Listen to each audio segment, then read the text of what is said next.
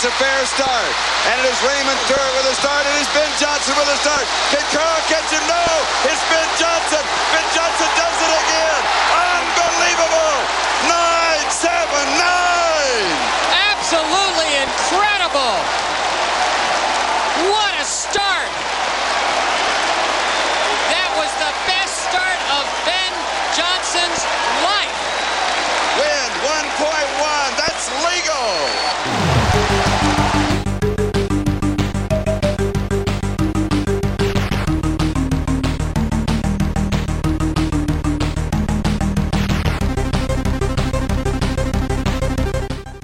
Lolbua 88, som det heter i Tyskland. Er det 88? 88, Hva er det, Lars? Du er jo Um, tyske aner. Jeg vet ikke, og nå lurer jeg på om du vet at 88 er Heil Hitler-kode. Ja, det, hvis det er det første du kom til å si, det første du kom til å si når det er Hvis du kan vri det inn mot nazisme, så gjør du det. Godt vinn. Når du brukte opp det poenget Det poenget hadde du tenkt å slå i bordet med i løpet av sendinga. Det brukte du 15 sekunder ute i sendinga. Ikke det. Jeg syns bare det var morsomt at du begynte å snakke tysk, og lurte på hva 88 var på tysk. Du ble opphissa med en gang jeg begynte å prate tysk. Så bare Å, nå kan jeg snakke om Hitler! Endelig. Den store føreren. All right. Velkommen til Lolbua episode 88. 1880. Eh, hva er det på fransk? Jeg vet ikke, kan du fransk? Uh, det må jo bli noe sånn uh, Katter Katter Et eller annet. Wit, ble det ikke det? Ok, Men det aller vanskeligste spørsmålet hva er det på dansk? S Vaffelpølse. Uh, uh, Det er åtte- sånn halvfjers. Åtte og halv fjers? Nei, åtte og fjers. triss fjers, åtte og en hals. Ok, og takk for at du hørte på Lolbua episode 88. Vi er tilbake om en uke når vi får orden på tingene. Kanskje jeg burde holde meg borte mer. Det blir bare kaos nå når jeg er tilbake. Vi aner jo ikke hvordan det egentlig skal være. Det er jo Her er det kaos. Det er ingen som vet eh, hva de skal respondere med til riktig tid. Eh, Det er ingen styring. Har vi et sendeskjema i det hele tatt? Ja da, du må bare finne det Det har vi. Jeg har funnet sendeskjema. Det er Lolbua episode 88. Det betyr at vi skal snakke om eh, 1988. Eh, spillåret 88, som vi har gjort Eller som mine kolleger har gjort de to siste episodene. Jeg heter Jon Cato. Jeg har med meg Lars Rikard og eh, Magnus Tellefsen. Hallais. Og vår super special guest star som snart får sparken fra oljebransjen, for der hører jeg at alle skal slutte snart og begynne med økologisk landbruk eller andre trendy ting. Barista, barista er jo bra. Det er jo svart som oljen, så det, det har man. Ja, Hvordan går det, Mats? det går bra. Jeg har fortsatt jobb, men jeg har sendt ut masse søknader til Statkraft. Ai, ai, ai. Og eh, så skal jeg flytte til Oslo og jobbe på Starbucks. Ja, Lykke vi tar deg imot med åpne armer. Jeg har faktisk vært på Starbucks et par ganger i det siste når jeg ikke har rukket toget mitt pga. ruter, men det er en helt annen episode. Eh, hjertelig velkommen skal du være, Mats. Takk.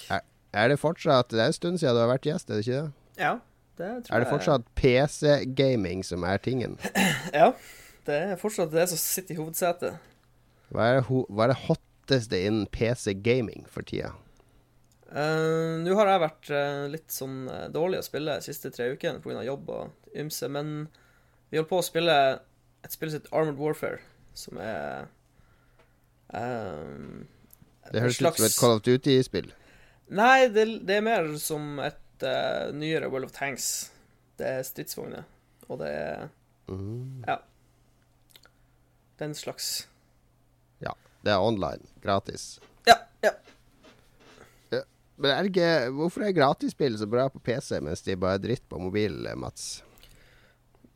Det var Jeg vet ikke. Skal jeg vite svaret på det? Hvis du er PC Master Race, du, du er med for å gi lytterne våre svaret på alle de vanskelige PC-spørsmålene. Ja. Nei eh, Jeg vet ikke. Det, altså, det finnes jo sinnssykt mange PC-er eh, ute i verden. Men det argumentet kan man ha for iPhone òg. Det finnes jo sånn 500 millioner iPhones. der. Ja, men de har skutt seg selv i foten med å lage veldig mange dårlige spill, som krever at du Altså, free to play på iPhone og free to play på PC er jo ganske forskjellig. Er ikke Flash-spill free to play, da? Jo, men Vil det du si at Flash-spill er eh, av mye bedre kvalitet enn den gjengse IOS-spill? Nei, men nå- tenkte jeg mer på Do- Dota og World of Ja, Tanks. nettopp. og, Du tar, drar frem de her fire-fem eh, høydepunktene, og så ja, ignorerer en- du alle de det er jo en milliard folk som spiller de spillene, så de bør jo nevnes. Ja. Har vel også litt med at uh, de som Eller på PC så har du litt sånn kultur for å utvikle ting i, i et community og få input underveis i utvikling av sånne ting. Mens for konsoll og mobil så utvikles spillene med en sånn derre eh, inntjeningsplan klar når de lanserer noe gratis. Ja, det, det lille jeg har sett av mobilspill, virker som at forretningsideen er Jeg håper at ungen får tak i kredittkortet til faren, og faren glemmer å låse kredittkortet, så bruker han 4000 kroner uten at far vet det. Ja. Det er en bra forretningsplan. Meget interessant. Det, det her vi skal snakke om de neste to timene i Lolbua. Free to play, eh, PC versus eh, konsoll versus mobil. Det blir Første halvtimen blir via til PC free to play. En nøye gjennomgang og analyse. Så nei da, slapp av. Ikke slå av podkasten. Vi skal Jeg syns det er gøy. ta- Vi skal ta tidsmaskinen tilbake til 1988. Og du er jo en ung mann, eh, Mats. Hvor gammel var du i 88? Da var jeg syv Syv år. Så du, da hadde du knapt spilt et dataspill. I 88, nei. Jeg tror ikke jeg spilte så mange spill da. Nei, nettopp. Ja, Det blir spennende for deg å mimre 88, da. Se om det var noe annet enn å kaste Men- på stikker og Men Spille har, jeg, har, jeg har spilt dataspill som er lagd i 1988, bare etter 1988. All right. Men det blir spennende. Det kommer også senere i sendinga. Vi må jo oppdatere litt, litt på uh, hva vi har gjort i det siste. Um, skal uh, Ja, Mats, du kan jo begynne siden du er gjest. Har du vært på Nordsjøen? Har det vært noe action på Nordsjøen? Uh, ja, jeg har vært på jobb i to uker. Ja. Der hadde jeg med meg to karer på opplæring. Så det var stort sett mye peking og forklaring. Og lange dager. og så har jeg vært i Oslo etter det, på visninger og på konsert. Ja, for du skal flytte til Oslo nå. Ja, nå har jeg fått meg leilighet, så Hva skal Lars gjøre da? han blir, det blir tomt, tomt i huset. Det blir, eh, det blir ensomt. Jeg må få meg katt. Ja. Innkjøp av mange katter tror jeg blir eh, løsninga. Ja, men Hva du skal i Oslo gjøre? Vi er mange nok som det er. Det er fullt på T-banen og sånn. Jeg hadde en jævla god grunn til å komme. Ja, jeg, jeg syns det var en god plass på T-banen. Det er jo Nei, jeg har alltid hatt lyst til å prøve byen. Og så har jeg nå en gyllen mulighet nå. Jeg har jo ikke fått sparken i første eller andre omgang, så jeg har fortsatt jobb. så da, Ja, det er bra. da må Det er litt trygt. Ja, kjempetrygt. Så Ja, så har jeg Den store planen var egentlig å flytte til Harstad Nei, til Oslo ganske øyeblikkelig etter jeg solgte leiligheten min i Trondheim. Mm. Men så ble det jo eh, utsatt. Så yeah. var det to PlayStation 4 og to TV-er med siden av hverandre i stua til Lars. Og da Ja. plutselig så tok det lengre tid å flytte. Se den. Jeg, jeg, den. jeg hadde glemt av hvor kjedelig det var å flytte, så etter at jeg hadde flytta, så sa jeg jeg gidder ikke å flytte med en gang. Ja, riktig, riktig. For det er faen meg ikke artig. Og så har du vært på en awesome tur i Ja, og så Manchester. etter jeg, vært, etter jeg var i eh, For det var Oslo, og så var det visninger og konsert i Oslo, og så i helga som var, så var vi i Manchester, eh, seks karer fra X-Men. I Manchester. Ja, fotball, fotballtur går jeg ut ifra, for det er ingen som drar til Manchester. De, enten så skal de oppsøke sånn 90-tallsstedene der alle de her 90-tallsbandene spilte den Manchester-bølgen. Eller så skal de på Manchester United eller Manchester City. Det er artig du sier det, fordi du, hver gang vi har nevnt Å ja, vi skal til Manchester en helgestur, sånn, uansett om det er slektninger, venner eller taxisjåfører, så er det sånn Å, hvordan fotballkamp skal dere se? Nettopp. Men vi var, vi var på CitizenCon 2015. CitizenCon, hva er det for noe? Det var ei messe for et spill som ikke er ferdig. Er det den filmen Citizen Kane? Eh, Uh, Citizen Kane-messe, ja, der alle går rundt og roper 'Rosebud!' alle går og drar på en sånn kjelke. Oi, sorry. Spoiler! Spoiler alert! Har ikke meninga å spoile Citizen Nei, Kane det for noen. er, um, det er for Star Citizen, som dere sikkert har hørt om, vil jeg tro. Ja, det er det der crowdfunda spillet til han Chris something. Ja. Hashtag not occult. Ja, hvor mye penger har du brukt på det? Jeg hørte noen rykter om folk har brukt sånn eh, 100 000 på romskip og sånn der. Eh, ja, det er det faktisk eh, noen som har gjort. Uh, Men du, er, du er, ligger ikke Du er oppe i sånn 50 000. det er ikke helt potet. Pluss en tur til Manchester. Ja. Nei, jeg har, ikke, jeg har ikke brukt så mye penger på spillet, men jeg syns det, mm, det ser ut som et eh, interessant konsept. Og den turen var mest for turen sin skyld. Det var ikke så mye for messa. Det var bare en slags bonus. Det var siden vi var et, vi var et helt gjeng, så det ble litt koselig. Du må beskrive all- den genseren dere hadde med dere. Du kan jo hente den, Lars. Jeg kan hente den, så kan du uh, tease den. Ja. Men jeg har aldri hørt om et con for et spill som ikke eksisterer. Det, Nei, nei, det må være- det må være en- Det- må være en first. Ja, fordi det er, det er som uh, du sa, det, var, det er ikke en kult, men det er jo sånn uh, uh, Kristne de samles for å hylle en gud som ikke eksisterer, og dere samles for å hylle noe som ikke eksisterer. Det er jo, det er, jo- mye paralleller til religion og andre ting som, som tror på noe uten at de har konkrete beviser for at det fins. Ja. Oi, her kommer genseren. Ja, du må beskrive genseren for lytterne. Den så veldig fargerik Han, ut. han, Oh, han, eh, vi har ei forside og ei bakside. Ja.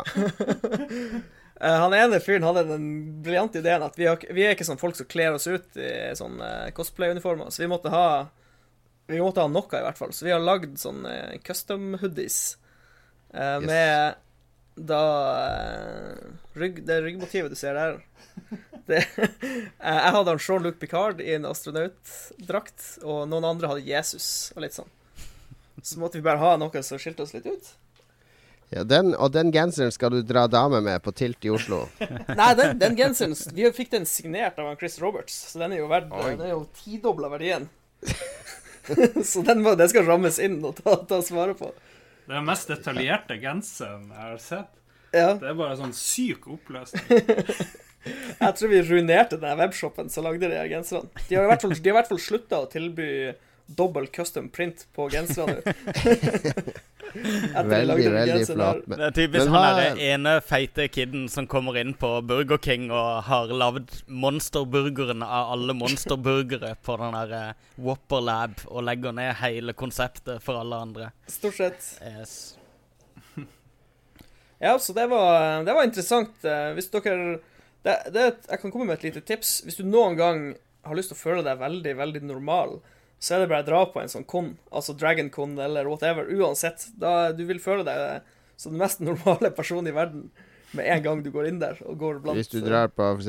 en tannlegekonferanse eller Nei, eller- altså sånn Det må jo være noen spill eller sånn fantasy Altså Du sier at det her er sånn av, eh, avvik og geeks og, og scum of the earth. Er det det du sier om, om vårt kjernepublikum? yes. Må huske at det, dette her blir, dette her blir lagra og publisert seinere. Det Dette vi sier er nå. Ring Gamergate Yes. og, og dox eh, Mats med en gang. Nei, da doxer vi jo Lars med det samme, for de har jo samme adresse. Så det, er jo ikke, det er jo ikke optimalt. Og ikke kan de swatte heller, eh, nå som det viser seg å være kjempestraffbart. Nei, De kan ikke swatte lenger, fordi politiet får ikke lov å ha kule i våpnene. Så det, de, de kommer til å stå utenfor døra og ut, prøve å finne ut hvordan de skal lade magasinet i våpenet og sånn. Men det var jo en kid i USA som ble dømt til ett år og én dag for swatting nå nettopp. En eh, Yes. amerikansk kid. Ja, Så Det eh, fortjente han. Ja, jeg regner med det. Jeg regner med det var fortjent. Nei, men det var sikkert en hyggelig con. Jeg aner ikke hva man gjør på et con for et spill som ikke fins ennå, men det er veldig det var- hyggelig å møte likesinnede. eh, Det var en ganske kort affære. Det var, det var bare den ene dagen, det var bare på lørdag, og så var det en sånn ganske lang presentasjon. Uh, med da det de jobber med i det siste, som tydeligvis er å leie sinnssykt mange skuespillere til den eh, singleplayer-biten, som heter Ja. Squadron 42. Men er ikke det full streik blant de skuespillerne nå? Eh, det var vel bare det? voice Er det da faen. Nei. Ja, Nei. ja, det er vel mest voice. Ja, ja. Jeg har jo vært på X-Pilot-con med 22 stykk. Det, det er jo rimelig obskurt, det òg, da. Men, eh, men ikke at jeg skal You think? dra Dra inn snakke eh, enda det mer om X-Pilot. Jeg er med på det. Vi skal ha X-Pilot spesial snart. Vi hadde jo med Knut i forrige episode, Jon Cato. Da fikk vi litt uh, X-Pilot. Litt hver Ja. episode. Han, eh, han er jo en av de som tapte semester på det. Sånn som du, Lars. Ja, ja. For noen folk. For noen folk. Jo, jeg, jeg kan ta hva jeg har gjort i det siste siden jeg har vært borte. Jeg har vært um, uh, mye jobb som vanlig. Jeg har vært på hyttetur med vår gode venn eh, Jabba uh, og familien hans, der vi spilte en god del Star Wars Armada, som er sånn miniatyrbrettspill. Jeg tror du, Lars, drev og så på det i Sverige når du var og besøkte bror din der. Ja. Vurderte det. Uh, det spilte vi litt. Og så spilte vi veldig artig spill som heter Codenames. Og så har jeg eh, Jeg vet ikke om jeg skal være enkelt Jo, jeg driver og lader opp til den nye Star Wars-filmen nå.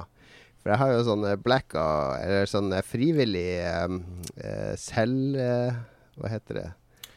Sølibat. Altså, jeg ser jo ikke Star Wars. Jeg har ikke sett noen av Jeg så den aller, aller, aller første teaseren med den der roboten som ruller, og han eh, svarte stormtrooperen, og, ingen, og, og det der lyssabelen med tre sånne greier. Så ditt sølibat er å ikke ha sex, men å se masse Star Wars-trailere. Nei, så Tingene, jeg begge, har, begge deler betyr sølibat på den. jeg, har, jeg har ikke sett noe som helst fra den filmen etter det. Jeg har ikke sett bilder fra filmen, jeg har ikke lest noe om filmen. Jeg har ikke sett den nyeste traileren som kom. Jeg skal ikke se den nye traileren som skal komme nå neste uke heller. Jeg skal ikke lese noe om filmen. Men det jeg har gjort, eh, er faktisk eh, Jeg har sett eh, på Star Wars Rebels på, på Netflix, som er den nyeste animasjonsfilmen. Mhm. Eh, fordi den eh, Nå er det jo sånn at med de nye filmene nå, så har de eh, kasta Alle de gamle bøkene og alt sånne der tegneserier. Det er liksom non-canon. eller canon. Heter det canon? Jeg tror det er canon. Canon. Altså det er ikke en del av den offisielle mytologien lenger. Og så har de fra og med de annonserte den nye filmen, så har de noen utvalgte ting som er den nye mytologien. Det er f.eks. en tegneserie av Kieron Gillen om eh, Darth Vader, som jeg venter på samleboka til, som kommer i oktober. Det er eh, fire nye sånne bøker som er ganske dårlige. Jeg har lest en av de, om eh, det er historien til han Moff Tarkin, han som bygde dødsstjerna. Og så er det eh, Star Wars Rebels og Star Wars Clone Wars. Det er, alt det er liksom del av den offisielle mytologien. Så jeg har, i stedet for å se masse teasers fra filmen, så bare leser jeg andre ting som er en del av den offisielle mytologien. For da kan jeg bli han der på kinoen som når de name-dropper en ting, sier Å er han de nevnte i Tarkin-boka. Han som, han som ble støttet av Senatet fordi han urinerte på en 14-årig gammel gutt, eller noe sånt. Og så er du det- garantert det- Du er garantert å være skuffa etterpå også, for da kan du si liksom Ja, jeg hadde ikke sett for meg at, eh, at de skulle hoppe over det og det kapitlet. Ja, og så kan jeg si at Star Wars-bøkene var bedre. Ja, nettopp. nettopp.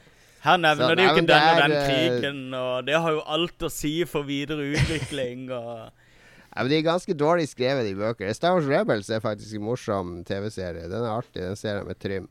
Uh, den er laga med litt spenst og humor. Uh, også, men de bøkene er ganske dårlig skrevet, men det er perfekt sånn toglektyre til og fra Hamar. Ja. Bare fase helt ut og, og lære om barndommen til eh, Moff Tarkin, som jo spilles av Peter Cushing i uh, episode fire. Så eh, nei, jeg har uh, Jeg kaster meg inn på litt Star Wars i, i, for å ja, legge et fundament for uh, filmen. Men ingen trailere, ingen spoilers.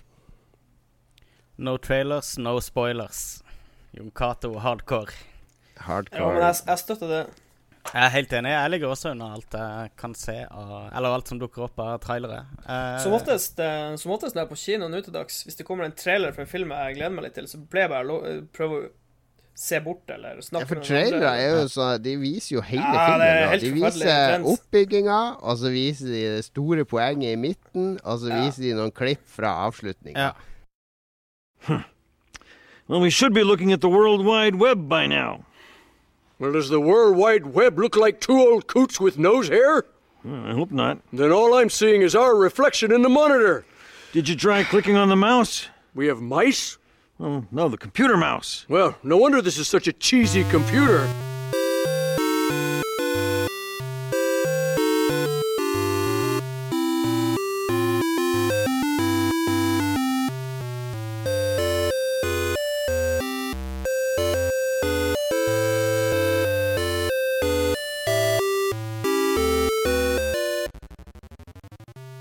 Hva med du da, Lars? Du elsker trailere.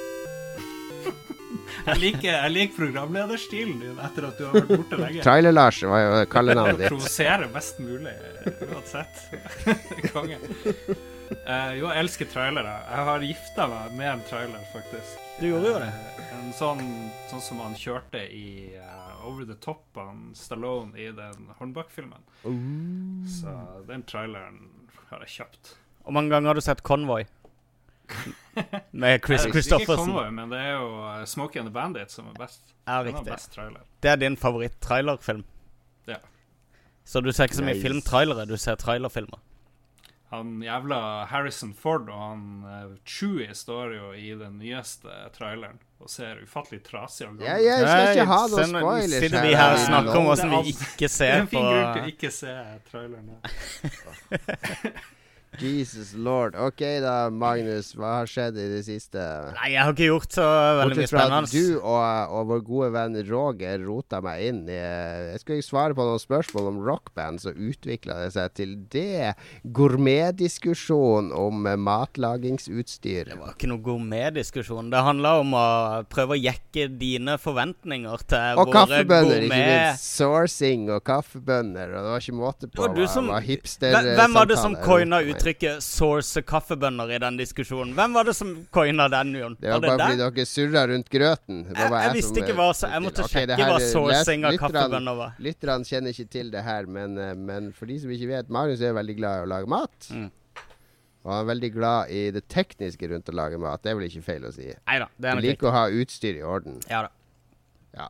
Og med utstyr i orden så mener vi at du skal ha utstyr som de fleste ikke kan uttale navnet på, eller vet hva er, og som gjerne ser ut som torturinstrumenter. Nei, det er ikke helt riktig. Det er ikke så Altså, det er der Det er liksom der vi, vi skiller vei på, på virkelighetsoppfatninga om meg, da. Eh, det, er det er ikke så ekstremt viktig for meg å, å gjøre det så veldig hipster og, og gjøre det så annerledes, eller å gjøre det så high society. Jeg er bare glad i mat, egentlig, og syns det er gøy å prøve, prøve nye måter å lage det på, rett og slett. Så jeg prøver å ikke være jålete på det, og spiser kebab iblant, og Grandiosa og sånn normale dødelige ting.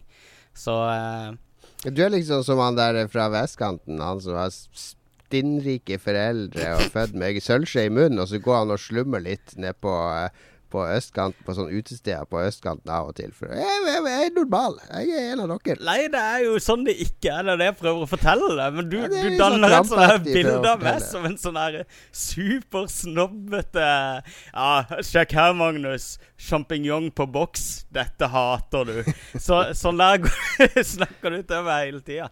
Ja, Nei, det er helt greit. Det det er greit. Jeg er veldig glad i, i vanlige ting. Jeg, jeg syns ikke at jeg er så jålete. Selv om jeg er glad i god mat også. Det, det syns okay, jeg ok. Men spor, nå sporer vi av i vår eh, Ja, faste Men jeg har jo brukt 8000 spenn på en espressomaskin denne uka, Ja. her, så jeg skal jo holde litt kjeft på akkurat det der. Men det var litt Og da spør jeg dere, kjære Lolbua-lytter, er det øh, grei pris?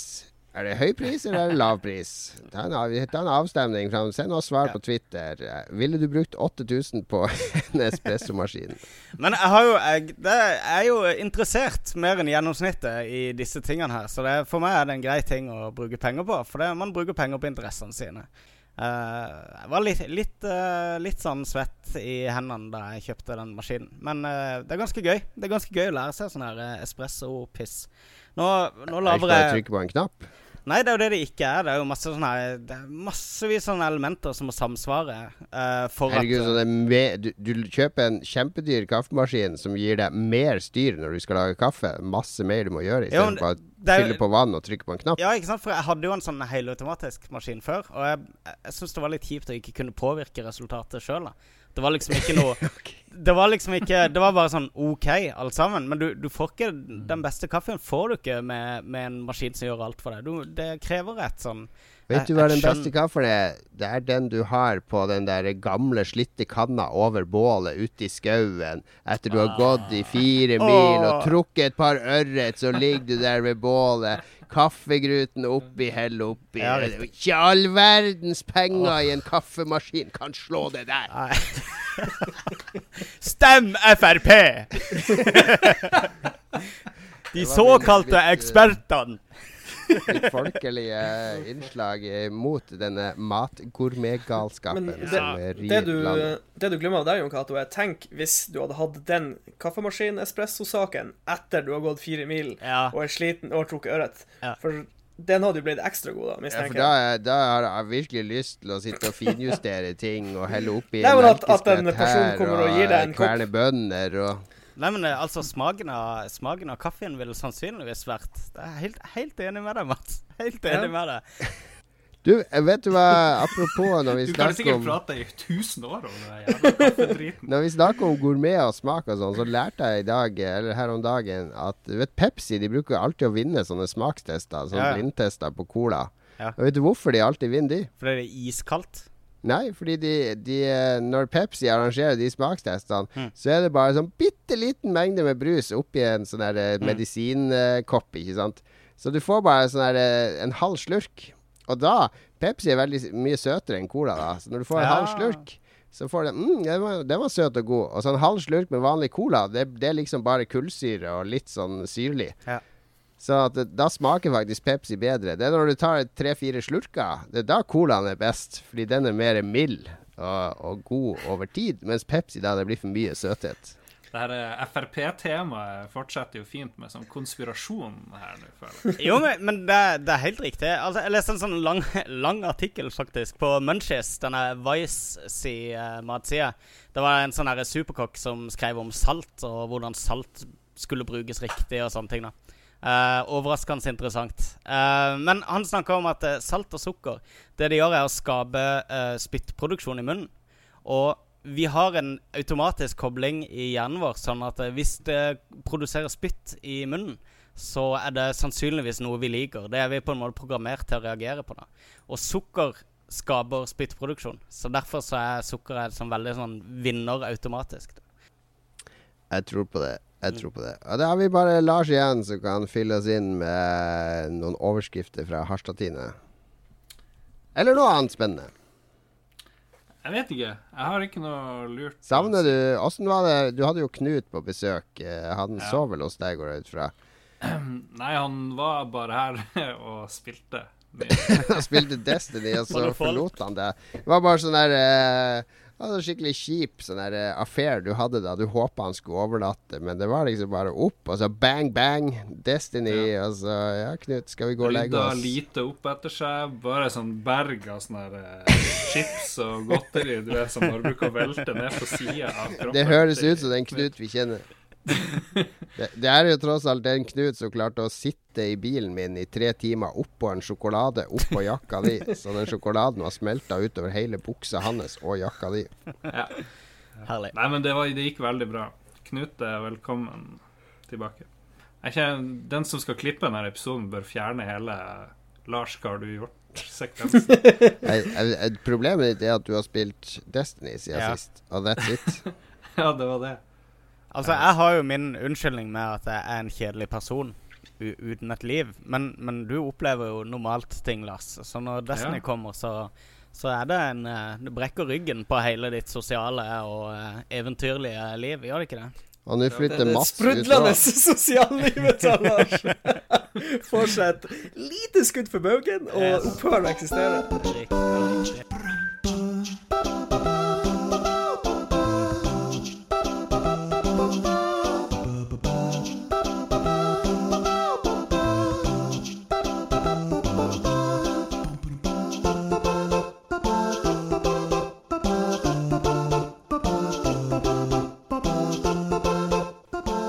Lolbua er tilbake.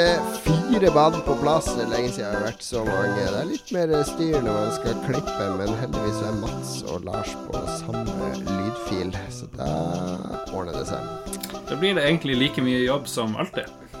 Ja, standardjobb. Men det er, eh, det er ikke så ille å klippe. Nå er det lenge siden jeg har klippet. Åssen syns dere det funker å klippe, karer? Jeg gjør jo klippet alt i det siste. Du er blitt jeg gjør det veldig superproff. Ja, det er Jeg tror ikke noen av dere har hørt det, men ja. Jo da, jo da. Det er beste klipping jeg har hørt, så jeg er glad at ikke jeg klipper lenger. For mitt var mye dårligere. Så det her var et godt, uh, godt resultat av mitt fravær. Mm, ja, men kanskje du må få lov å klippe nå, Jon. Men uh, jeg har brukt jævlig lang tid. Jeg har jo Jeg fjerner alt det kjedelige, og så har jeg putta inn masse musikk og crossfade og legger inn her- videosampler over Ja, ja, musikk. ja. og- Det er gøy, da. Gøy da når det funker. Ja da. Og så må vi huske at vi, vi, vi evaluerer jo hvem som skal klippe hver gang. For vi har den spalten Hva har vi gjort i det siste? Jeg har masse å dele. Stort aktivt liv. Magnus har masse å dele. Stort aktivt liv. Lars Nei, hva har jeg gjort siden sist? Så tenker jeg, ok, men Da kan du klippe litt, så får du oppleve litt. Uh, Du er en stor løgner. Og, og fornevnte du ikke det Hvorfor nevnte du ikke det i Gjort siden sist-spalta, Lars? At eh, du hadde klippa forrige podkast? Ja, du må få litt mer action i livet ditt, så skal du slippe å klippe. Yes. Takk, Magnus. Ålreit. Men vi har i hvert fall rukket å spille litt siden sist. Uh, flere av oss, i hvert fall. Har du uh, rukket å spilt noe siden du kom hjem fra CitizenCon og Nordsjøen, Mats? Hva er det som surrer og går i uh, Hvordan skal man si det? Før kan man si hva er det som spinner rundt på platespilleren, eller hva er det som surrer og Nå, går nå har du i ikke, konsollen SS, du har jo ikke snurredisk lenger, du har sånn SSD.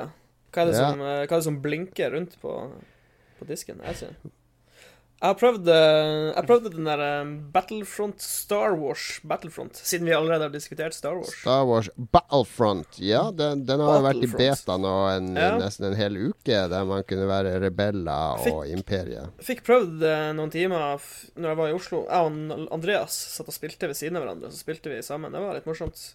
På En- PC, da. På PC, selvfølgelig. Ja. Eh, det var morsomt. Det eneste var uh, Det er lenge siden jeg spilte Star Wars-spill, så jeg glemte av hvor, hvor utrolig uvant det var med prosjektiler som går så sakte. Mm. Fordi er det, når du skyter med sånn blaster, så går, kommer det sånne blasterskudd som går eh, Ganske urealistisk. ja, sånn 200 meter i sekundet eller noe sånt. Det tar jo et år før det når det du sikter på. Så du Det er må jo drive og paintball. Jeg syns det er Ja, veldig, veldig rart at det er så mye luftmotstand i, i laserstråler. Det hadde jeg ikke trodd.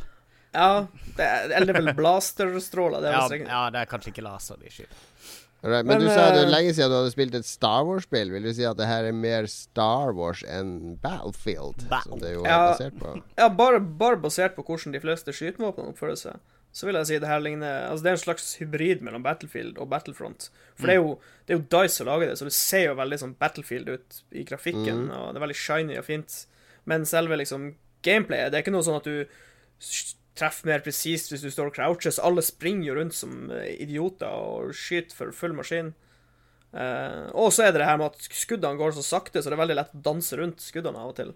Mm. Uh, Så jeg sleit i hvert fall med å Hvis jeg setter meg ned med Battlefield eller CS eller Call of Duty, så har jeg en tendens til å treffe ganske bra uansett. Men her sleit jeg som bare det med å treffe Mm. folk. Så det var litt spesielt. Men det var, ja, jeg har også spilt uh, ekstreme mengder med, med Battlefront siden sist. Um, mest på Xbox. Jeg spiller litt på PC også. Jeg er helt enig, det er dritvanskelig det der med å treffe. Men til gjengjeld, du, du lærer deg etter hvert å sikte der du tror de havner. Og det blir et spi spill i seg sjøl, akkurat det der.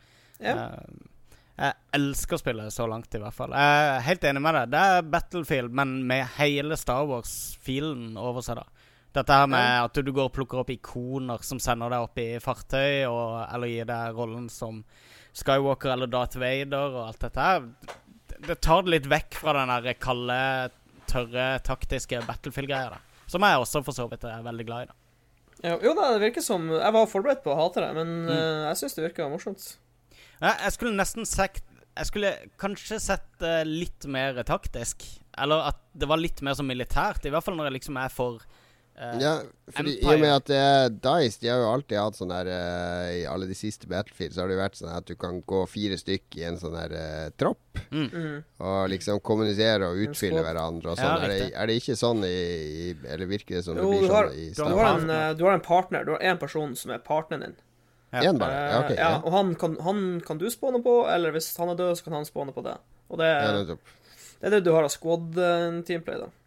Jeg hadde, En gang så hadde jeg en som bare sto på eh, aller første spawn point og kødda med en kompis hele kampen. Og flere ganger med en feiltagelse, så når liksom kampene hadde beveget seg over til andre sida av mappet, da, så med en feiltagelse så trykka jeg spawn on, eh, on partner. Sånn at jeg måtte løpe gjennom hele mappet hver gang jeg døde. Det var veldig, veldig stress. Um, men det mente meg at jeg skulle gjerne hatt litt mer taktikk i det, eller litt mer sånn eh, militært i det. Er liksom Hele den Star Wars-følelsen, da når du ser disse her store slagene, det er store slaget på Hoth f.eks., så har du jo et inntrykk at det er veldig militært. da Du føler ikke at alle disse soldatene bare er sånne singleplayer, eh, enkelte som vigilantes som løper helt for seg sjøl og klatrer på vegger og sniper og sånn. Vet du hvem de soldatene er? Det er jo han, eh, han der tidligere Se og Hør-redaktøren og Ja, ja, ja. Arve Juritzen og sånn. Det er jo, det er jo ikke akkurat eh, de jeg ville sendt i første linje til Nei, å men, beskytte men landet disse vårt. kampene, det er noe Hvis du liksom Hvis du er soldat for The Empire og sånne ting, så, så syns jeg det bør være litt strengt, da. Uh, det bør være litt at uh, du følger litt mer spesifikke ordre enn mer sånn overordna ja. mål. Da trenger du å spille Ride med meg og Lars. Der har vi store Ja. vår lille far, eh, general, som vi alle stiller opp for og gjør honnør for. Ja, jeg hørte om Ingen har lov å hoppe lenger enn lille far når vi skal gjennom hoppeseksjonene. Det er som å hoppe lenger enn Kim, Kim Jong-il. Så det, det, det, er- det ærbødighet og respekt av militær orden. Ja, jeg, jeg drev jo Jeg drev jo og har lyst til å si det hele tida, men battle eh, bla, bla. Front. Ja, Battlefront. Det er ikke like bra som Det er ikke i nærheten av Destiny, med skytefølelse og alt det der. Handling og Men det er jo noe helt annet, da. ja, det Sammenligner alt med Destiny. Sånn er det. Og så Ja. kan ikke jeg huske fra uh, Star Wars-filmen den hvor de er på Hotta, at det var masse stormtroopere som sto og snipa og campa oppe på fjellet. Nei, men det er litt de og Det er litt det jeg snakker om, da. Om at, uh, at jeg skulle ønske det var litt sånn strammere i objectives. da Og litt mer sånn meningsfylt spilling enn at bare alle løper rundt og er Rambo. Det er, nok, eh, det er nok modellert over den kampen i Return of the Jedi med de Ewokene. For der løper jo alle Ja. de bamsene rundt og er Rambo og slipper steiner ned på ATS-tida og eh, henger seg i, slenger seg i tau. Men jeg har et lite ønske om at, eh, om at, de har holdt, at de har klart å holde helt skjult et map med den kampen der. Med Ewoks mot uh, Empire. Det hadde Ja, vært altså en, eh, en unlockable Jar Jar Binks-kamp. Ja, ja, Bare helt. Jar Jar Binks på slagmarka. Uten våpen. Uten våpen. Ja ja, Lars. Er, er det noe vits å spørre om hva du har spilt? Nei. Jeg har spilt uh, Destiny, og så har Ja, jeg spilt Jeg har spilt noe annet òg, hvis du vil vite. Ja, eller jeg skal ikke Har dere snakka om raidet i Destiny ennå, som vi driver og bryner oss på? Vi tok en liten uh, raid-oppsummering med Knut forrige Ja. uke, så for så vidt. Men um, det kan jo du snakke om. Jeg Ja, skulle bare nevne ja, at jeg ja, spilte for der, guds eh, skyld. Jeg skal bare nevne at jeg spilte det her eh, nye spillet til han PewDiePie. For det havna på toppen av de her Ja. app-listen. Jeg husker ikke, Det var en sånn PewDiePie and the Legend of the Brofist eller et eller annet. Så tenkte jeg det her kan Mhm. mulig være bra. Men kort oppsummert så er det ganske morsomt. Så det, det hadde vært mye bedre med knapper og en stikke, men på iPad eller eh, iPhone og sikkert noe Android-greier, så funker det ganske bra.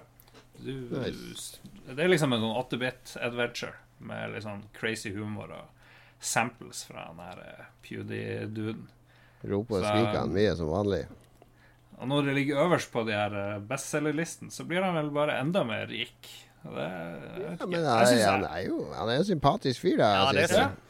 Jeg syns òg han får X, litt vel mye pepper. Jeg har sett et par eh, Jeg så når han gikk gjennom grøsserspill. En to-tre forskjellige sånn kommende grøsserspill. Det var superunderholdende. Jeg syns han var dritflink.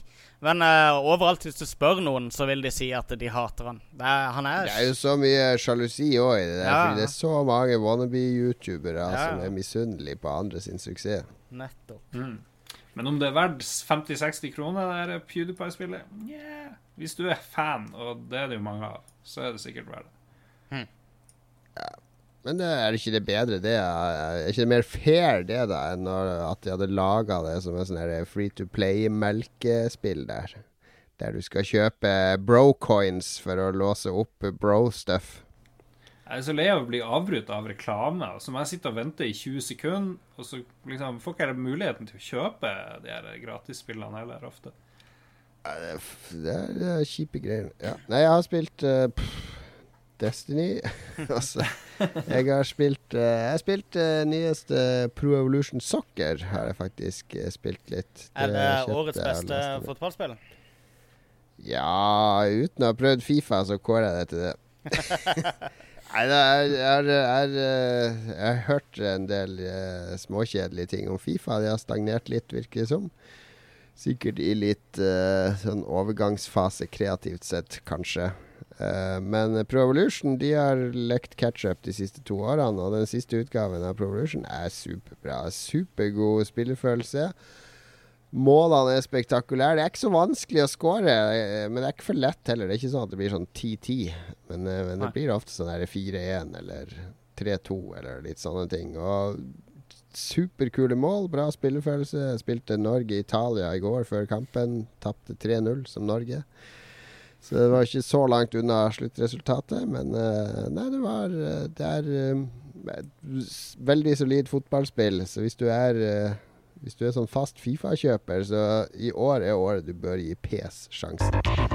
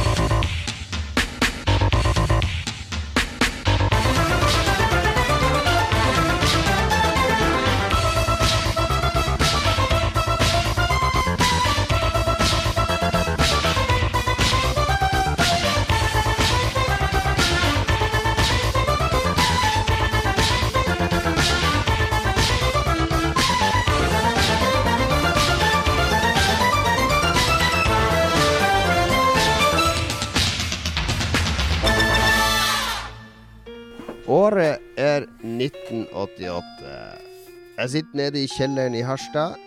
Kassetten går rundt. Jeg laster inn fotballspillet Gary Linekers Superstar Soccer fra Gremlin Graphics. Et veldig dårlig fotballspill. 88.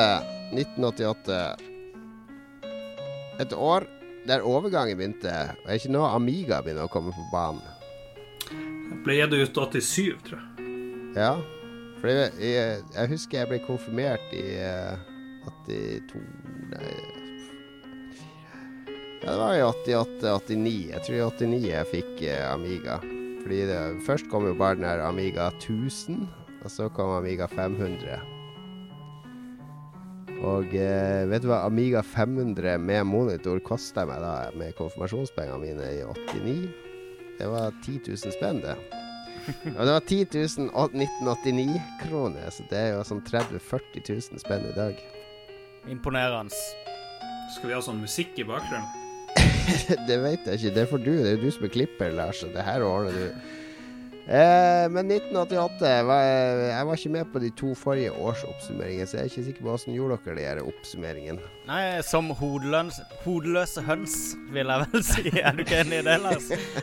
Ja, nei, vi, eh, Det vi gjorde forrige gang, var at vi viste til den her lista vi legger ut hver uke på Lolbua. Så har vi nevnt noen høydepunkter, og så har vi nevnt ett spill hver.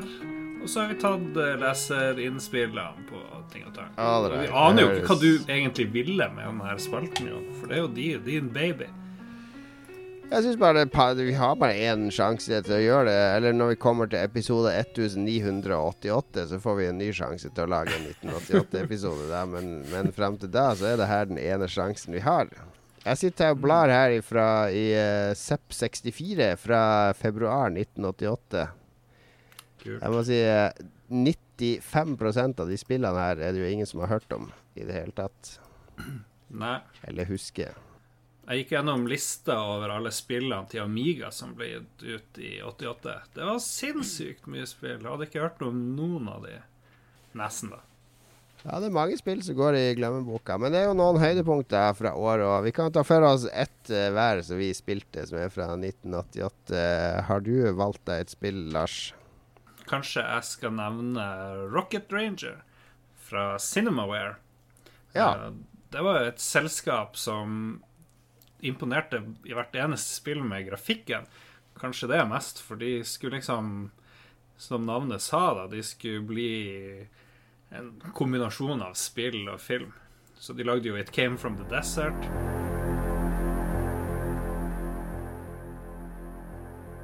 The desert, unchanged for millions of years, yet witness to a biblical prophecy come true that one day the meek shall inherit the earth.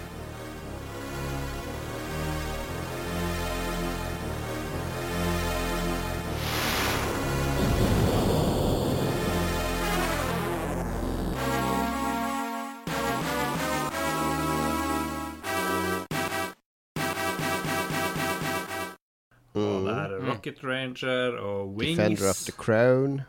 Defender of the Crown lagde det jo, ja. Det er jo det mest kjente. Mm. Det er Three Stooges og SDI. Strategic Og Defense Initiative. Um, Rocket Ranger spilte jeg ikke så veldig mye, da. Men uh, jeg bare fikk assosiasjoner. Det var et kult spill. Fordi du måtte Du måtte beregne bensin, husker du det? Når du, skulle løpe på sånn rullebane og så fly til forskjellige steder i verden, så måtte du eh, Egentlig det var sånn kopibeskyttelse, da. Så du Ja. skulle se på sånn plansje og finne ut Ok, du må ha med 78 liter bensin for å lande der. Så du skulle liksom Hvis du ikke hadde det der eh, plansjen, så kunne du ikke vite åssen du skulle komme deg dit.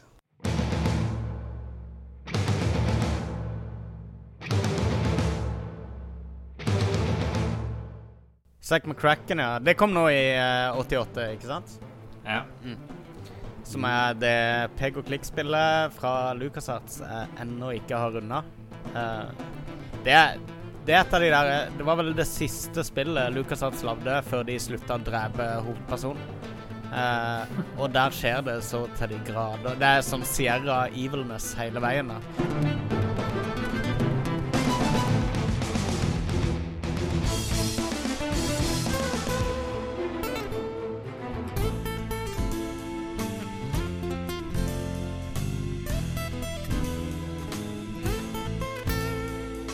Jeg snakka forrige gang om dette her med Space Quest, om hvordan du kunne bli kyssa av en alien i begynnelsen av spillet, for å så dø i slutten av spillet av at en alien kommer ut av maven din. Um, uh, Zack McCracken hadde blant annet du, På et punkt i spillet Jeg håper ikke jeg spoiler et spill fra 1988 for folk her, men du ender opp på Mars Nei, på månen på et visst punkt. Og hvis ikke du har plukka med deg de riktige tingene, så er det ingen indikator på at du ikke har med deg de riktige tingene. Du bare klarer ikke puzzlesen uh, på måneden. Uh, og det er mye sånn. Veldig mye sånn. Men spillet er hysterisk morsomt. Uh, jeg har en eller annen liten pipe dream om å kunne runde det med Bare kjøre det med walkthrough eh, på, på Twitchen, da. Så det er et, eh, et håp for fremtida for de som syns det var gøy med de adventure-spillene her. Uh, men veldig morsomt. Vi uh, Ganske mange går om og krysser fingrene for at det skal komme en i- det minste åndelig oppfølger til spillet på sikt. For meg så er jo 1988 det dårligste året vi har gått gjennom. Til Ja. Jeg og Mats drev og lette etter litt ting her om dagen, men vi plutselig havna heller på øret ved eh, musikk fra 88. Og der er det en del bra ting. Eh, en av de store hitsene som, eh, som mange har et forhold til, den tror jeg vi må putte inn akkurat her.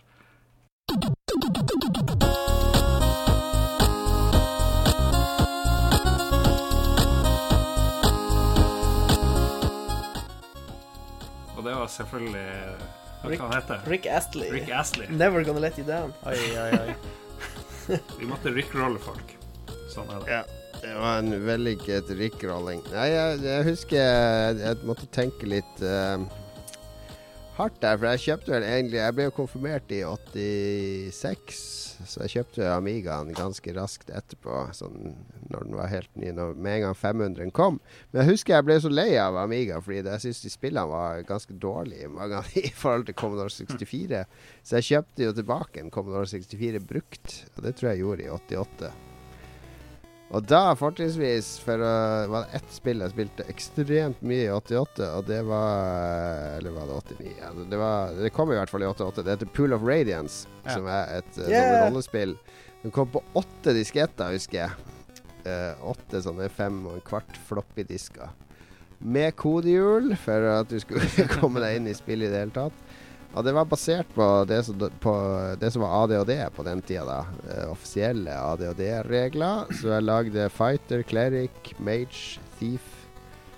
eh, en dwarf som var fighter thief, og en half-elf som var fighter wizard thief. og eh, de eh, var i byen Flan, som er ved Moonsea i Forgotten Realms. Der de fikk eh, Byen var gjenoppbygd av en gammel by som hadde blitt overtatt av monster. Så jeg måtte selvfølgelig ut i slummen og rydde monster. Veldig mye av spillet gikk ut på å gå i slummen og rydde de for monster. Og det var mm, Det var et utrolig langt spill, da. Mye fordi det tok så sinnssykt lang tid å laste inn de kampene. Og det var kamp Det er sånn som i Final Fantasy, at det bare er sånne random-kamper. så de går tre ruter på sånn rutenett, og da sitter jeg med, med papir og blyant og tegner ok, vest, vest, vest, sør. Sånne streker og markerer dører og sånn. Og så bare Å, som uh, Kobolds appear. Og så er det loading, loading, loading i sånn halvannet minutt. Og så kommer du på en sånn rutenettkarta der jeg flytter Alle har sånn movement points. Og akkurat sånn, sånn strategispill eh, som XCOM. Så jeg flytter fighterne frem, og wizardene følger etter. Bueskyterne skyter, wizarden kaster magic missile. Så kommer koboldene én etter én. Og de kampene kunne ta opptil en halvtime, én sånn kamp, mot eh, åtte sånne tilfeldige kobolder du møtte. Og så var det å loade i to minutter tilbake til kartet, og gå sånne tre-fire ruter til på kartet, og så loade inn en ny kamp. Det, det tok jo sin tid, da. Men jeg satt i kjelleren eh, måned etter måned og spilte det spillet, og med vår gode venn eh, Vidar, en av de danske tvillingene, han kom opp på besøk nesten hver dag. Han likte å sitte og tegne kartet attmed mens jeg spilte da. Og så hørte vi på eh, Vangelis og Jean-Michel Jarre og andre ting mens vi spilte det. Det var nerd, nerd heaven. ADHD på datamaskin, tegne kart på rutenett og Jean-Michel Jarre på anlegget. Det blir ikke bedre enn det. Det var vel det første Goldbox-spillet. Det var vel fire sånne det det Ja, det var det første. Det kom noen andre òg som ikke hadde det. Curse of Azure Bonds tror jeg var nummer to, og Hillsfar var ett. Og det fjerde husker jeg ikke. Men de andre spilte aldri. De, de hadde De greip meg ikke på samme måte som det første. For det første der, det føltes så uendelig stort og episk. Og det at man hadde de ADHD-reglene som jeg hadde bøkene til i hylla, så jeg kunne kryssjekke at spillene var riktige, og at alle reglene var riktige. Det var veldig stort. Veldig stort. Jeg ser også at uh, et spill du ikke hadde med på lista her, Er Lars. Caveman Uglympics. Jeg vet ikke om noen av dere husker det. Det var et spill Hvordan kunne vi glemme det? Jeg vet det. Dette er et spill, men eh, veldig mange ganger av en eller annen grunn er det et av de Commodore 64-spillene som bare har svidd seg fast i hjernen min. Og hver gang jeg nevner det, så er det alltid noen som bare Å, det spilte vi dritmye. Og det gjorde vi òg. Vi spilte det kjempemye. Det var sånn her uh, huleboer-sportsspill. Fordi vi snakka veldig mye om World-spill og alle de der uh, Games-spillene, mener jeg, snakka vi mye om uh, forrige sending. Dette var et slags sånn et, men mer sånn parodi. Sånn her uh, huleboer-parodi på disse sportsspillene som var veldig populære på Commodore 64. Så det, det var mye sånn du skulle Det var konekasting, mener jeg husker, istedenfor Ja, sleggekast. det var og- også et av de der som heter Blood and Guts, som var sånn vikinggreier som Ja, var ganske blodig. Ja, ikke, ikke Blood and Guts and Glory, er det det du tenker på? Ja, kanskje Ja. uh, ja, jeg husker det. Um, det. Det tror jeg hadde Kan det stemme at jeg hadde så tidlig som ZX Spektrum? Eller, Ja, det- eller blander det er ikke kanskje? umulig. Nå er det i min uh, Zepp 64-blanding her. Ja. Altså Zepp 64 var det kuleste spillbladet på 80-tallet.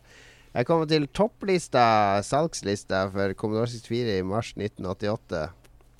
Det er ikke salgslista, det er leserne som har stemt på de beste spillene. Ja. Og det beste spillet der er California Games. Men det er 87. Hey! Ja, men det er leserne som har stemt. Ja. Altså, det er ikke nødvendigvis I mars. Andreplass Last Ninja. Tredjeplass Internasjonal Karate Pluss. Fjerdeplass Bubble Bubble. Og femteplass Leaderboard, som var et golfspill som var litt sånn revolusjonerende da det kom. Alle spillene er vel kommet fra året før eller, Eller året tidligere, før der, ja. Men det er jo naturlig. Selvfølgelig. I mars så er det jo eh, Det gikk vel i trykk i januar, og det betyr at lesebrevene er fra november. Vi nevner jo Last Ninja, men vi må jo kanskje nevne at Last Ninja 2 eh, kom i 88. Ja. Jeg drev og hørte mye på musikken til det spillet etter at vi begynte med denne serien. der Ja. For det dukker opp hele tida. Og så har jeg funnet noen sånne remiksa versjoner av Last Ninja 2-musikk, hvor de har separert kanaler og adda litt sånn der eh, Ikke effekter, men gjort mer krisp lyd, og det er bare helt fantastisk. Det skal vi stjele og ta med i denne episoden.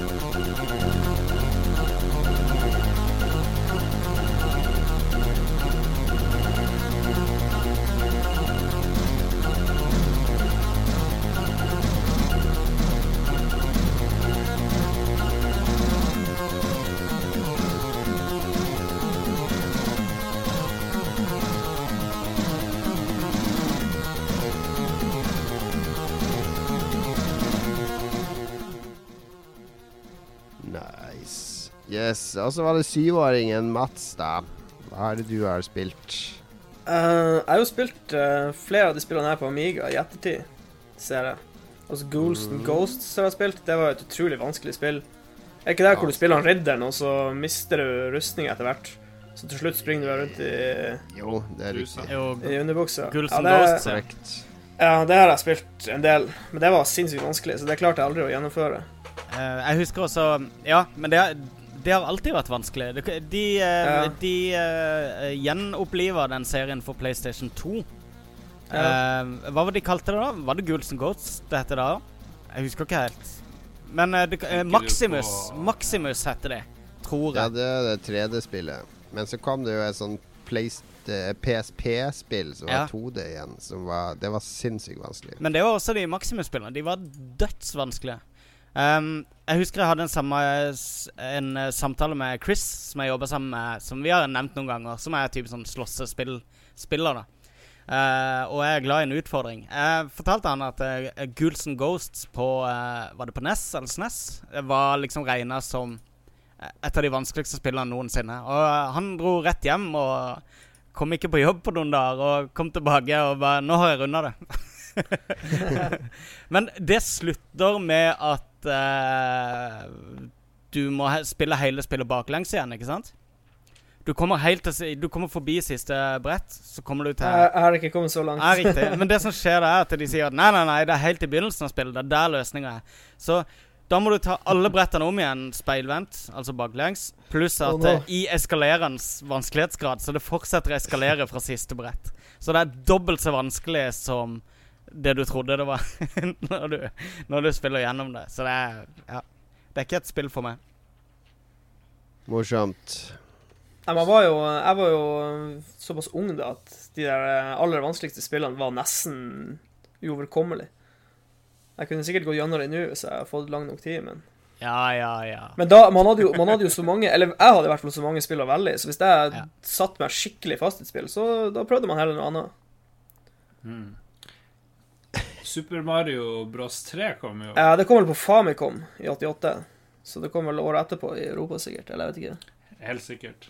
Ja, Det har jeg spilt sinnssykt mye. Det husker jeg vi spilte på, på NES, eh, for jeg hadde aldri en vanlig NES, men det ene søskenbarnet mitt hadde det, så eh, det var liksom en av eh, standardaktivitetene på eh, søndagskaffetreffen. Da satt jeg og to søskenbarn og bytta på å spille i Super Mario Brothers 3. Det var stor stas. Ja, står jeg husker du, Var ikke det i 88 at Interceptor kom på Amiga? Det flyspillet. Eh, jo, jo, F18. FA18 Interceptor. Det, husk, det var mm, Vi som drev og svappa på Amiga den tida der, vi var jo i datagruppe og uh, var med å arrangere copy-party og sånn. Er det sånn som heter cruising nå? Der, eh, du Sånn ute i skogen med, med ja, er dogging dogging ja. ja. Nei, vi, eh, vi The, det, det Interceptor var sånn der eh, legendarisk lenge før det kom, fordi det skulle være sånn fylt vektor-flyspill som skulle se helt naturtro og realistisk ut. Og den husker vi var med i ZAP64, het den gruppa. Det er ikke blad. Det er Forvirrende for lytterne, vi var med i en sånn eh, litt sånn trasig gruppe fra Bergseng i Harstad. Med fire karer der som vi slo oss sammen med, for de hadde masse kontakter, og det hadde ikke vi. Eh, men de var litt sånn der eh, Det var ikke så god kjemi mellom oss, og det varte bare et halvt år, det samarbeidet. Men de fikk da tak i det spillet, så var vi ute og, og henta det hos de, og de var sånne som hadde sånne regler. «Ø, Det her må jeg ikke kopiere til noen andre! Ingen utafor gruppa skal få det! Altså, ingen karer i Harstad skal få det!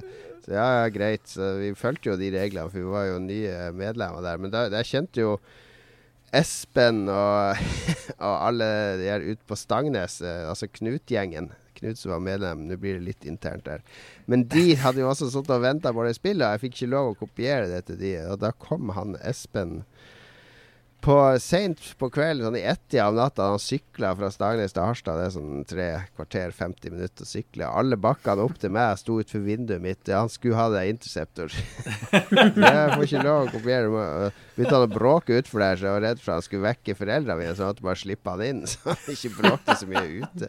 Og så reiv han alle klærne ut av skapet mitt i sånn raserianfall fordi jeg nekta å kopiere det til han. Og, og, og dro i, i raseri derifra uten interceptor. Jeg har aldri følt meg så idiot i hele mitt liv fordi jeg fulgte ordrene til Mafia til PCS i The Zepp. Og PCS, uh, det var hans tagline. eh, Ingen klarer å gjette hva det står for.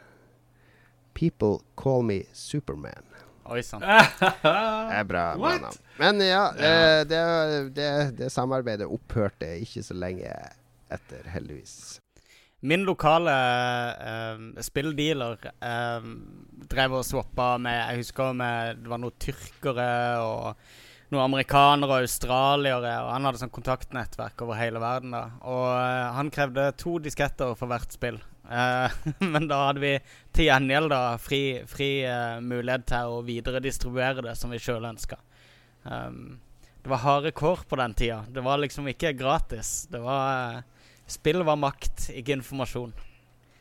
Vi har fått masse spørsmål og kommentarer om 1988. Jeg kjører på. Jeg gleder meg til å høre Lars lese opp, Fordi sist jeg var med på sendingen, så hadde det vært sånn Jeg har vondt i halsen, jeg er litt forkjølt. Ja, ja, ja. meg og Magnus har lest til den store gullmedaljen, så nå skal jeg lytte til den fagre røst fra Nord-Norge.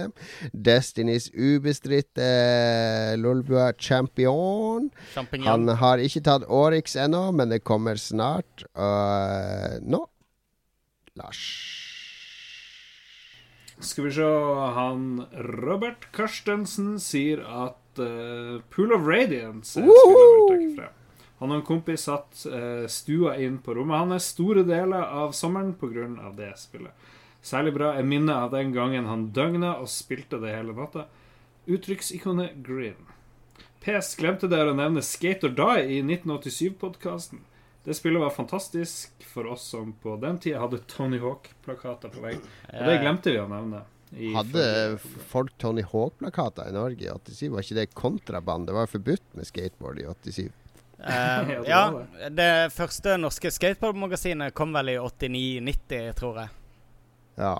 Men vi, vi kjøpte jo Trasher på uh, Narvesen i, på rutebilen i Kristiansand, i hvert fall. Uh, så det var fullt mulig å få tak i skateplakater. OK, OK. Skal vi se. Han André T. Bergo sier 1988, ja. Her snakker vi Goals and Ghosts, Ninja Guiden, Double Dragon 2 The Revenge, Megaman 2 og selvfølgelig Super Mario Bros 2 og 3, visstnok. Det er jo fordi Super Mario Bros 2 kom ut i USA og var en sånn rename av japansk greie. Jeg husker ikke. Ja, det er et sånn doku, doku et eller annet. Ja. Det er bare skin replace fra et annet spill. De putta Mario-skin på andre spillfigurer. Det er noe fake, fake ass shit. Um, Førstnevnte har jeg like mange kjære minner med som det siste. Så vel som Double Dragon med kamerater fra gamle dager. Vi snakker ikke bare om tidløse klassikere, vi snakker starten på virkelig, virkelig gode oppfølgere til spill vi allerede var kjent med. Den dag i dag er nok minnene bare bilder her og der. Men jeg hadde nok huska en god del mer om jeg hadde begynt å spille noe der igjen. Noe jeg får veldig lyst til når jeg ser på utgivelsene. Eh, og så nevner han Star Citizen. Han fikk med seg at han Mats har vært på reise. Eh, Star Citizen er et spill jeg har fulgt eh, i et tiår, føles det som. Selv om det er bare noen år siden det ble annonsert. Jeg har spilt og spilt, sjekket og sett. Det er så mye lovende og nyskapende bak dette spillet at jeg gleder meg som en unge på julaften. CitizenCon 2015 var helt fantastisk, men jeg så bare livestream og videoene som kom ut i etterkant. Jeg gleder meg til første Star Citizen Alpha? Spørsmålstegn? Ja, gjett. Good for you, André. Yep. Not a cult. Så takk for det, André. Eh, Vegard Megaman Mudenia. Han sender oss et bilde fra 1992. Det er nyttårsaften. Jeg var seks år da og spilte Bionic Commando for aller første gang. Ble så god utover kvelden at de som var ti år eldre enn meg, lot meg ta de vanskelige delene av spillet. Herlig kveld. Uttrykksikonet Grim. Veldig populært uttrykksikon. Det er mye gøyere hvis du sier grin, for det er da så du får det at de griner når de sier det. Apropos eh, Bionic eh, Commando, Lars. Vet du hva det Ja. heter i Japan? Cybernetic Commando. Nei? Ja, det Det har et helt vilt navn. Superpenis. Ja, på, på Nes så heter det Hitlers Resurrection. What? Ja, det er eh, Jeg tenkte jeg du ville like, for du, eh, du, du bruker, tar jo enhver anledning til å, til å hive deg på Hitler-bølgen. Det heter, det heter Hitterono Fukatsu Tapu Sikaretu. Altså Hitlers Revival Top Secret. Det er Marianne Kommando på, på Hvorfor i helvete? What? Hvorfor det heter Hitlers Det er fordi han var nazi, han som lagde det. Han eh, Junko Tamiya. Så han eh, Nei, det er eh, det er noen sånne cutscenes der, der den japanske versjonen faktisk har hakekors og nazister. Det er de du kjemper mot. Og de ble bytta ut med litt andre symboler i den engelske versjonen. Vi har jo alltid trodd at Vegard Megaman Mudenia var en syk, herselig nazist, så det får vi jo bekrefte her. Er? Skal vi se. Han, eh, han minner oss også på om at musikken er veldig bra. Og den er jo komponert av Wagner. Ja, I Megaman 2? Ja, Megaman 2 er Men nå, nå var jeg eh, i den ene sendinga jeg gikk så var jeg ute og networka med andre norske spillutviklere på Tilt, så det er så fint heter. Og der, eh, der var jo Dpad eh, var jo der. De er jo tidligere gjester i Lolbua, både han, han Joremi og han Si- Simon. Yes. Han Simon er jo kanskje Norges største Megaman-fan. Han, eh, han eh, er en, et leksikon av Megaman-kunnskap. Og han, i motsetning til Strøm, for det er veldig mange som mener at Megaman 2 er det beste Megaman, men han har en knapp på treeren. Og masse argumenter for hvorfor treeren er den beste, men, men Mudenia er tydeligvis på toeren. Lol. Mudenia er hele tida på toeren. Når det nok uthenging av Mudenia. Stakkars Mudenia. Beste spillmusikken ever, sier han. Uh, kan ikke noen lese opp uh, Anders Berge Yes, sine Mats, greier? Det er issues på. med mikrofon og skjerm her. Ja. uh, Anders Berge, jeg ble åtte år og fikk nest til bursdagen det året. 2000 kroner kostet det. Og familien måtte leve på vann og brød resten av måneden. Er snill. Ice, Ice Climber fulgte med bundle. Det var et OK spill, men ganske repetitivt, så jeg lånte The Legend of Zelda og Super Mario Brothers av min fetter. Spill var generelt ikke billige, så lånte jeg en del av familie og venner. Det, det var, dette var et episk år. Jeg gikk fra zero til hero i klassen og spilte for fullt hus hver helg. Måtte booke avtaler i Filofaksen. Ja, det kan du se. Filofaxen. Det er sånn aldersspørsmål i Larry-serien. Nå ser jeg han, han, han påstår at familien levde på vann og brød hele måneden for at de skulle ha råd til Nes. Men hvis det her er en familie som har gitt han en filofax, så, så tyder det på at det er en, en åtteåring med filofax. Det er en rik familie. Hvis de altså. hadde så Ja. lite penger, så er det stor sannsynlighet for at han har stjålet en filofax i Jeg tror foreldrene var narkolangere. Ja. Og så fikk han filofaxen for å holde oppsyn med inntekter og utgifter i forhold til salg mens de var inne. Ja, men, men det var jo ingen Altså, jeg husker du Vi hadde jo Filofax da på eh, i 88, men det, vi, kan- det var jo skoledagbok. Ja, ja. Det var sånn Pusers skoledagbok og sånne ting. Det var jo vår Filofax. Noen brukte det som dagbok, andre til å notere avtaler og sånn. Og så var det sånne steder der venner skulle fylle ut sånn spørreskjema. Ja! Favorittfarge. Favorittrat, mat og, og så ble det litt sånn stygge spørsmål. Sånn der eh, Hvilken lærer liker du minst? Mm. Og sånn. Og da ble skolebøkene forbudt på skolen, for de skulle ikke mobbe lærerne. Og det var mye drama. drama. Ja. Jeg kan ta den siste. Han Pablo pluss Petit Pingvinus. Det tror jeg er tullenavn. Uh, leser vi opp tullenavn, egentlig? Der skjønner Jon Cato er tidligere journalist, så han har et øye for å, for å spotte bullshit. Ja, det er rare når du er journalist, du får utrolig mange, mange mail fra folk som jobber i Google og, og i Hotmail. Ja, det er sant. De er veldig på journalister. Nei, men eh, Pablo pluss Petit Pingvinus, PPPP, eller P i fjerde. Creative Labs lanserte Sound Blaster Oi. og definerte med det lydstandarden for PC-gamingen i de kommende årene.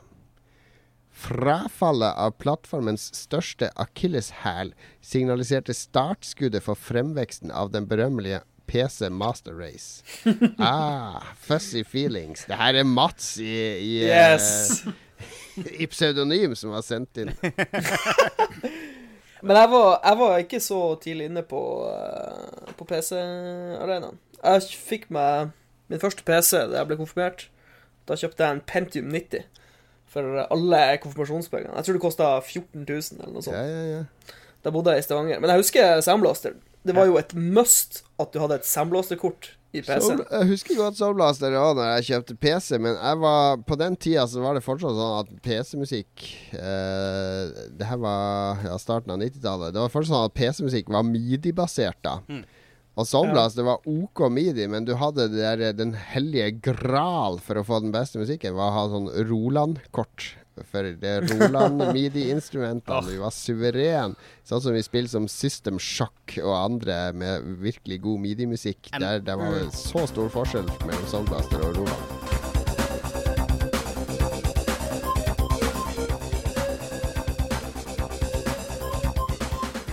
Jeg driver nå, Når jeg driver og streamer de gamle adventure-spillene igjen her, så, så kjører jeg en Roland-emulator. Denne MT40-emulatoren. Ja, Og- utrolig myk og fin lyd i det. Dødsbra lyd. Sånn som Fate of Atlantis, eh, Indiana Jones. Det, det, jeg var så overraska. Det var Holy shit, har jeg gått glipp av det i alle de årene? For jeg, det spilte jeg med Det tror jeg jeg spilte med Adlib, faktisk. Ja. For eh, Adlib var en ganske decent sånn synthesizer, eh, mener jeg å huske. Um, på musikk, men lydeffekter var han jo helt ræva på. Um, jeg husker godt når uh, Soundblaster kom. Før det så var det en del som De klarte å bruke PC-speakeren ganske bra. Jeg husker dette golfspill Oi, nå går jeg opp i stemmelaget her. Ja, Um, du er oppi seg her. Jeg tror det er du som er Pablo pluss Petit Finger. det er meg, skjønner du. Jeg blir, jeg blir sånn Åh, jeg må bare snakke om dette. Men um, det var et golfspill som heter Links. Ehm, som jeg husker kjørte helt vill lydkvalitet via, via PC-spikeren. Og det var sånne spill vi spilte bare for å høre på den bra lyden. Det var mye sånn på PC, akkurat i det der eh, skillet der. Når, play, nei, når Soundblaster kom, så var det jo Det var jo et sånn kvantesprang. Da fikk jo plutselig uh, ikke bare midi-instrumenter, men du fikk jo, fikk jo sampla lyder. Ja da, det var, var stort, Og kunne få steg. speech videre. Mitt første lydkort var Pro Audio Spektrum 16, som emulerte Soundblaster 16, altså oppfølgeren til Soundblaster 8-bit. Uh, og det var aldri så bra som Soundblaster 16. Men jeg har hatt en del Soundblaster-kort etter det. Jeg tror jeg har et nå, faktisk. Eksternt. Fortell meg mer om alle dine Soundblaster-kort. Ja, fortell hva- Kan ikke du ta Soundblaster, det kronologisk? Soundblaster er en sånn rød tråd gjennom hele PC-historien. Det er det for reals. Altså Creative har betydd dødsmye for PC-spilling opp igjennom. Jeg skal spille inn sånne egne greier om Amiga-musikk og Commodore-musikk. Hvis du går gjennom, eh, hvis du går gjennom vår podcast-historie, Lars, så vil du se at det har vi allerede gjort en del ganger. Er en skjebne verre enn døden å gå gjennom vår podkasthistorie. Men nok om det. Takk til alle som har sendt inn eh, fortreffelige minner fra 88 og der omkring. Um, vi skal ikke spoile neste episode, men vi kan si at det blir et nytt år. Vi skal ikke si hvilket år ennå, men eh, smarte lyttere de kan kanskje dedusere seg fram til det. Og så Nå tar vi en kort musikalsk pause, så kommer Gjør Amerika helt greit igjen.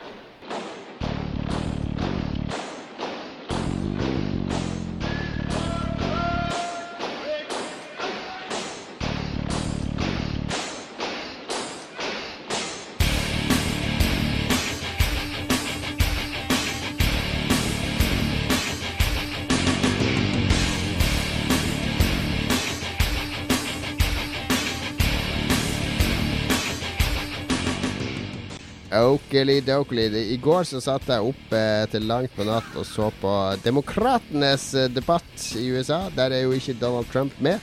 Det er jo da de rasjonelle menneskene inntar scenen og snakker sivilisert sammen, i stedet for en gjeng primitive våpenforkjempere som roper ut om abort og uh, the right to bear arms. Lars, du så vel ikke på demokratenes uh, debatt i går? Dessverre. Men jeg skal se han i reprise, tror jeg. Det gjorde jeg med den forrige republikanske debatten. Det var en splitta mottakelse på Hillary Clinton. De etablerte mediene de erklærte henne som vinner av debatten, mens de mindre mediene de var mer kritiske. Det blir spennende å se om du er enig i uh, vurderinga. Mm. Jeg er jo fan av han Bernie Sanders. Han Yes. gamle gimmick-sosialisten. Høflig gammel mann. liker du Trump og Bernie Sanders? Er det det som er. Er du fan av, uh, av Stalin og Churchill? Ja. Fasaden sprekk. Lars er fan av drama, tenker jeg vi konkluderer med. Ja, kanskje det. kanskje det Men det, det skal i hvert fall handle om eh, valgkampens store drama-queen. Det er vel ikke noe fornærmelse å kalle Donald Trump eh, for det. Det er Lars sin faste spalte Make America Great Again. Og hva er det du skal ta opp eh, denne gangen fra den amerikanske valgkampen? Som vanlig så må vi oppsummere det vi har funnet ut eh, før. Og i forrige gang vi hadde spalten Vi hoppa over det eh, gangen før. Men da vi hadde spalten sist, så var det konkurranse mellom deg, Jon Cato, og eh, Magnus om hvem som visste mest eh, om eh, Donald Trump. Mm. Du Jeg, vant ikke. jeg vant suverent, Ja. vil jeg si. Så vi vet at Magnus vet mest. Husker du fremdeles hva mellomnavnet til Trump var? Ehm, eh, nei, Det var John. det var John, ja. ja. Var det, er det ikke Pablo? Nei. Og så vet vi at uh, musa til ho Hillary Clinton er moderat fuktig. Vi vet også at uh, Hva er det vi vet? Vi Vi skal- skal, stenge grensen til Sverige. Yes, med mur, som svenskene skal betale for. Der var du forut for din tid. Det var forut for flyktningkrise her, uh, Lars. Det var en sånn preemptive uh, Ja. strike. Bygge en vegg i Finnmark. Begge fine. Ja. Og nå er jo syrerne pumpe på vei inn, så de med Trump på plass i Norge hadde ikke fått lov å komme. Men vi har en ny gjest i dag som aldri har diskutert Trump, så jeg tenkte vi skulle høre litt om Mats sitt forhold til Donald Trump. Ja, for det er jo interessant, for ute i Nordsjøen så er det jo hakket nærmere USA enn oss her på fastlandet. Ja, så der tenker jeg det snakkes mye mer om amerikansk politikk. Mange amerikanere der, er det ikke det? Nei, eh, det, er, det var det kanskje hvis vi spoler tilbake i ganske mange år. For jeg jobber jo for et lite firma som jobber for et stort amerikansk firma, som heter Conoco Phillips. Ah. Men nå er det bare eh, norske folk der. Mm. Før vet jeg det var mye amerikanere, men nå er det stort sett drevet av norsk. Men hva er felles eh, oppfattelse? Hva mener alle på Nordsjøen om Donald Trump? De må jo være positive, fordi de fleste er jo rike. Eh, disgustingly rike, de som jobber på offshore. Ja, som, som uh, Vel- unntatt deg, selvfølgelig. Ja, nei um, Det som er litt spesielt uh, med de som blir offshore, er at det er jo det er jo som et lite speil av samfunnet. Du har uh, høyt utdanna folk, du har ikke så høyt utdanna folk, og du har folk som jobber med stillas og sånne ting. Så du har jo hele spekteret. Så du har meksikanere på Nordsjøen? Ja, du har, de er svenske, da. Holy shit. De er ikke meksikanske. Sveksikanere, tenker jeg Ja. Mm. Jeg vet ikke, jeg tror ikke jeg kan svare for hele samfunnet offshore, men jeg tror de fleste syns han er en klovn. Siden de Hva? Siden de er sånn halvveis Nei, kom igjen, da. Det, det gjør han ikke. De, Tror du ikke det? nei. Nei, jeg tror alle syns han er Ja, fornuftig. han Ja, Han er en vinner. han er Ja. Han er i hvert fall ikke en han- taper, og han er ikke kineser, så det er han, Det er en del du kan krysse av på lista bare der, da. Ja. Ja. Nei, men bra. Det var ukens uh, Gjør Amerika Var det eneste du hadde? Nei, det var det? Jeg visste at den spalten kom til å krasje. jeg, eh, sånn. jeg har lyst til å se en dokumentar som handler om Donald Trump, som heter You Got Trumped. Jeg vet ikke om du har hørt om det, Lars? Ja, det handler vel mye om uh, er golfbane. Golfbane, ja. Golfbane i Skottland. Ja, den har jeg lyst til å se. I motsetning til Lars har jeg fulgt litt med på Trump i det siste. Jeg hørte annet at han skal hoste Saturday Night Live nå. I got nothing! Har du Skal, fått med deg det, Lars? Saturday Night Live. Ja. ah. De elsker Nei. vel han, vil jeg tro. De har vel hatt Sarah Palin også på tidligere. Um, Hvem det som skal spille han stiller, da? stiller jo opp nei, han, han kommer som host og skal vel eh, være med i noen sketsjer og Og så på den måten så kan de legitimere at de parodierer han i hjel resten av resten av valgkampen det kommende året. Jeg klarer nå å holde liv i spalten min, i motsetning til Jon Cato. Spillkonkurranse Men det var det jeg skulle si. Spalten. Lars er? Spaltekiller Olsen. Eh, hvem var det som, eh, som erklærte Jon Cato sin konkurransespalte for død forrige gang? Det tror jeg var det. Det var nå etter at uh, du ikke bidro, og Jon Ja, Cato men ikke nå er, nå er jeg tilbake, og nå vekker jeg den til live igjen.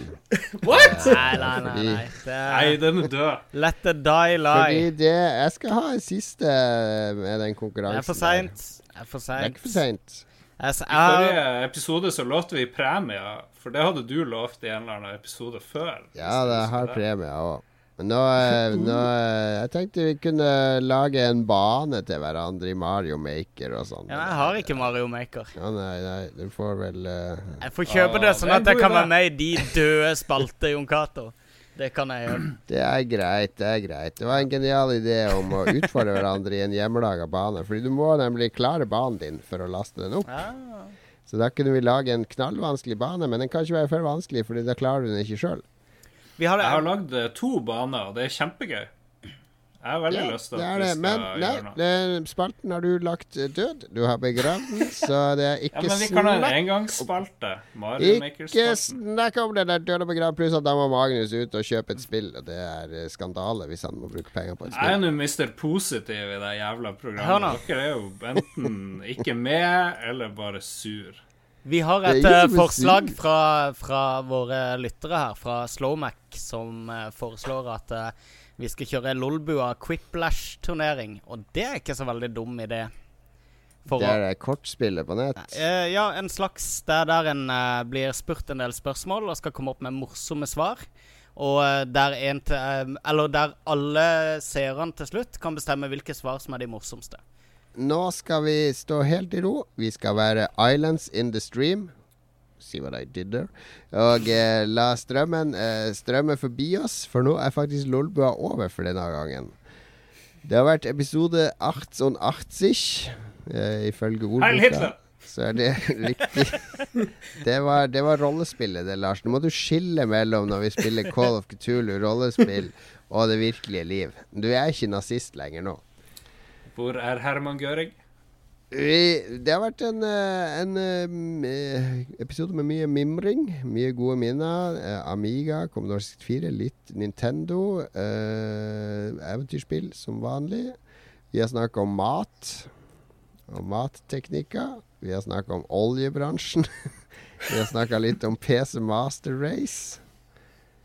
Hvordan vil du oppsummere episoden, Lars? Terningkast? Terningkast seks, faktisk. Siden du er tilbake. Du har vært savna, Johan. Det må du eh, skjerpe deg. Veldig fint å ha deg tilbake. Jeg har, jeg har jo levd et slaraffenliv som frilanser, der man basically kan gjøre hva man vil, bare man eh, tar noen skippertak her og der. Og det det er ikke Det skippertaklivet er dessverre dødt for meg nå. Altså, nå er det Det var ikke sånn du beskrev det mens det pågikk, eh, Jon Cato. La, men, uh, men det er mange ting man ikke kan beskrive uh, reelt mens de pågår, sånn som din eh, foodie addiction eller Lars sin destiny addiction. Først i ettertid man kan si at uh, jeg hadde et problem. Jeg gikk for langt. Jeg gikk for langt når, når du står utfor Vendelbo en time før åpningstid for å source de riktige bøndene, så har du et problem. Ja, da har man et problem. Jeg er bekymra for deg, Jon Cato. Den nye jobben din er et helvete. Ja, det det er, eh, det er en overgang, men det, er, eh, det, det krever mye tid. Og det, familie krever tid, så det er ikke så lett å finne tid som før. Men, eh, men jeg kommer tilbake sterkere. Bra. Vi gleder Bra. oss. Men takk for at dere hørte på. Tusen takk til Mats som stilte opp og endelig tar, tar til fornuften og flytter ut. Du må jo, eh, må jo ha spart flere millioner på å bo hos Lars så lenge. Eh, Nå er jeg rik. Ja, Det kan ikke være store husleder. Hvor mye er det han tar? Han krever på det rommet? Jeg tar eh, godt under halvparten av det han må betale nå. i hvert fall. Jeg kommer nå til å bli fattig. Ja. Det er boliggjeldsslave, tenker jeg. Depositumet er vel allerede Depositumet er casha inn. Ja, det er det. Riktig. Jeg ble, og jeg har ikke fått nøklene ennå, så jeg er litt spent på om det er en scam. Ja, men det blir spennende. Nå må jo du ned og eh, delta i quiz. Ja, nå kommer du det dukka opp på Tilt, Jon Cato. Ja, det må vi gjøre. ja. Det er Må bare å slå deg forberede deg. sammen med kotelettlaget. til Oh, yes. Selvskreven kotelett, eh, vil jeg si. Veldig bra. Det vil jeg si. Bra. Det blir kos. Det blir kos. Gleder meg stort. Takk for at dere hørte på. Vi er tilbake om en uke med 1989 på programmet og diverse andre. Lars Nei, der opp du året. Sorry. Spoiler! sorry. Lars, Lars de nå og googler fortvilt for å finne om det er noe sånn 89 som kan knyttes til nazisme eller fascisme. eh, Om det er en Det er du som har nevnt Hitler mest. Gjengsystemer i USA bruker kanskje 8-9 for et eller Han annet. eh, Hitler døde i Argentina i 1989. Der har vi det. Så det blir Argentina. Og han var Don't 89 cry. År. Don't cry for me, Adolf Hitler. Neste episode av Lolbua. Ha det bra! Ha det! We'll meet again. Don't know where, don't know when, but I know we'll meet again some sunny day.